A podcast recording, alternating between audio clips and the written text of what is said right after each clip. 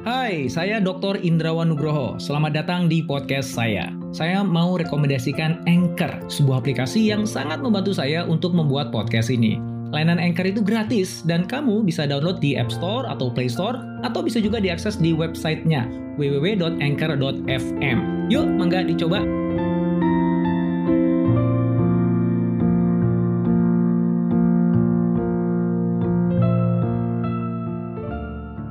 Saya yakin Anda sudah sering mendengar kata agile, atau bahkan mungkin agile organizations.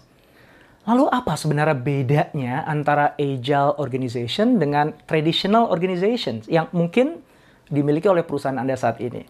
Dan apa manfaat ketika kita mengadopsi pendekatan agile organization itu?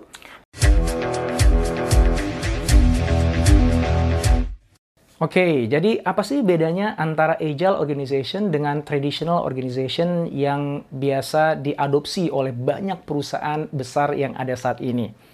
Saya akan memotret perbedaan itu dari sudut pandang organizational structure-nya ya, dan juga bagaimana struktur itu saling berinteraksi satu sama lain. Yuk kita lihat sebuah piramida. Kita semua tahu orang yang jabatan paling tinggi ada di atas, yang jabatannya paling rendah ada di bawah.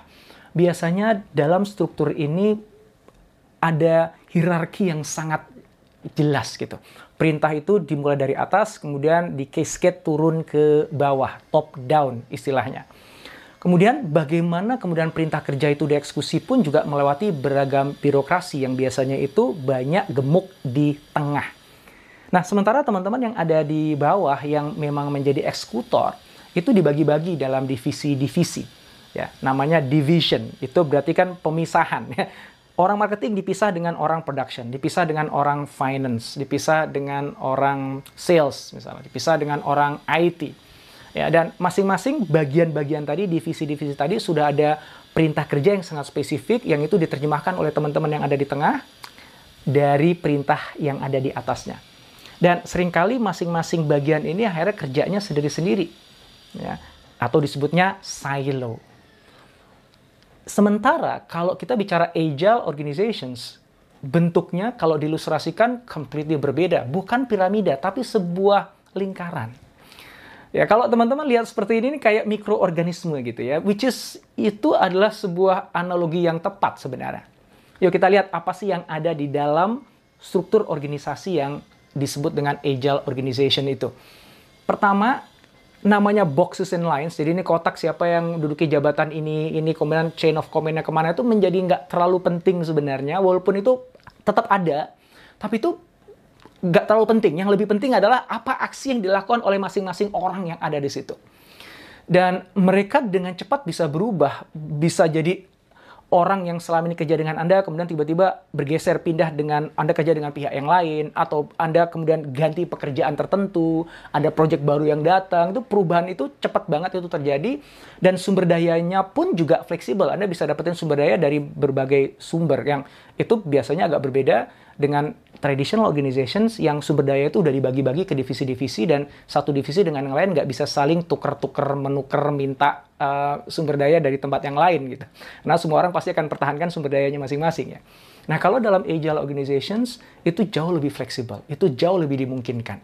Organisasi itu ternyata terbentuk bukan dari departemen-departemen, divisi-divisi yang menjadi silo, tapi tim. Yang mana tim itu terdiri dari orang yang ekspertisnya beda-beda ada orang marketing, ada orang legal, ada orang finance di situ gitu. Yang mana masing-masing tim ini punya tanggung jawab untuk menuntaskan satu pekerjaan dari awal hingga akhirnya.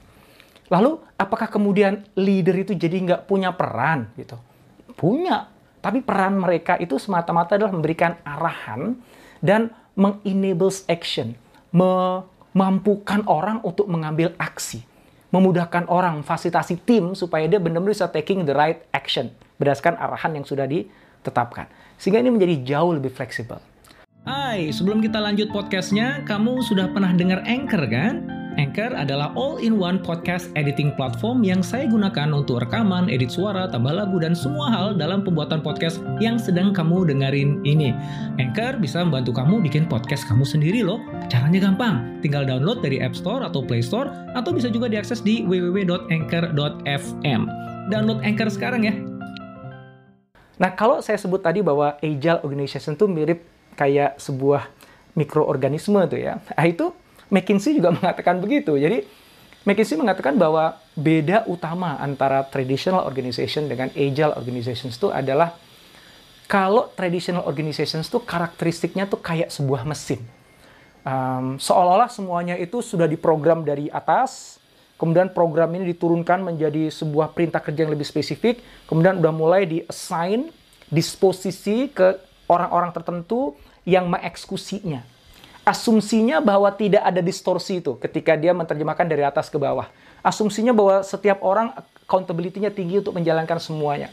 Asumsinya adalah tidak ada perubahan cepat yang terjadi di sekitarnya yang membuat mereka akhirnya harus mengubah perintah itu. Ya, layaknya sebuah mesin. Semuanya sudah terprogram dengan baik. Nah, kalau agile organization itu seperti organisme yang dia fleksibel, yang dia luas, yang dia bisa beradaptasi dengan keadaan. Nah, bukan berarti yang tradisional organization ini nggak bagus. Sebenarnya bagus sih kalau situasinya stabil. Kalau kondisi market bisa diprediksi. Maka dulu ketika perusahaan besar itu menggunakan traditional organization gak ada masalah karena memang pada saat itu ekonomi itu lebih stabil. Situasi pasar bisa diprediksi. Sehingga ketika yang di atas itu membuat sebuah perencanaan bisa sampai 3 tahun, 5 tahun, dan perencanaan itu tetap relevan selama lima tahun itu. Dan selama yang bawah mengeksekusi dengan baik rencana itu, baik-baik aja perusahaan. Nah, problemnya sekarang adalah kita udah susah memprediksi boro-boro lima tahun tiga tahun aja pusing, setahun aja juga mungkin kita nanti tahun kedua harus ganti asumsi begitu. Kenapa begitu cepatnya perubahan yang ada di sekitar kita ya? Ya teknologinya berubah, ya pemain-pemain di industri berubah, ya customernya juga berubah gitu. Sehingga kalau kita mengandalkan top down, jangan-jangan begitu yang dari top itu sampai ke bawah ketika bawah eksekusi udah lagi nggak relevan. Dan ketika yang bawah menyadari bahwa itu nggak relevan, untuk supaya disadari sama yang di atas tuh perjalanan untuk naik ke atasnya ini butuh waktu. Sehingga begitu pas dia mendiskusikan itu tentang perubahan itu dan kemudian memberikan perintah baru ke bawah yang juga butuh waktu, begitu sampai lagi yang ke bawah itu dieksekusi lagi, udah lewat gitu. Pesaing udah nangkepin peluang yang ada gitu. Maka saat ini memang lebih pas organisasi itu menggunakan pendekatan agile organization seperti apa yang ada di kanan. Nah, McKinsey menyimpulkan bahwa enaknya kita punya agile organizations tuh karena selain kita punya stability, um, adanya agile organizations itu bisa menambah kecepatan kita dalam bergerak dan juga kemampuan kita beradaptasi dengan situasi yang serba gak jelas, VUCA, volatile, uh, uncertain, uh, kompleks dan juga ambigu. Sehingga agile organizations menjadi the new critical source of competitive advantage bagi perusahaan. Nah, siapa sih perusahaan-perusahaan atau industri yang mengadopsi agile organization ini? Ternyata risetnya mereka juga menemukan ketika industrinya itu dipersepsi bahwa bisnis environment-nya itu nggak stabil, maka berpeluang pemain di industri itu untuk mengadopsi agile organization. Ya, misalnya Anda kalau lihat uh, uh, gambar ini, itu semakin ke kanan berarti semakin nggak stabil business environment-nya. Ya. Dan teman-teman lihat secara vertikal itu adalah prosentase jumlah responden yang mengatakan bahwa organisasinya mengadopsi agile organizations. Dan ternyata kalau Anda lihat itu yang paling kanan itu kan telco. Telco itu lagi didisrupt habis-habisan itu sama over the top dan masih banyak digital companies lain yang ingin mendisrupt telco. Kemudian media entertainment. Yes, kita tahu itu. Ya. Dan ternyata telco itu hampir 50% perusahaan telco itu sekarang sudah mulai mengadopsi uh, agile organizations. Media juga dipaksa untuk bergerak ke sana, walaupun mungkin lebih sedikit jumlahnya, 42%. Financial services itu disruption-nya juga lumayan, dan mereka sudah mulai nih, ya, untuk mengubah bagaimana desain dari organisasinya. Dan coba petakan di mana letak industri Anda. Kalau industri Anda cenderung lebih di kanan, berarti mestinya Anda sudah mulai ambil ancang-ancang untuk mengadopsi agile organizations. Kalau sudah, ya syukur. Tinggal pastikan bahwa itu benar-benar bekerja dengan baik. Jangan sampai nanti justru packagingnya aja kelihatan agile, tapi sebenarnya jeruannya sih masih tradisional. ya, oke, semoga manfaat.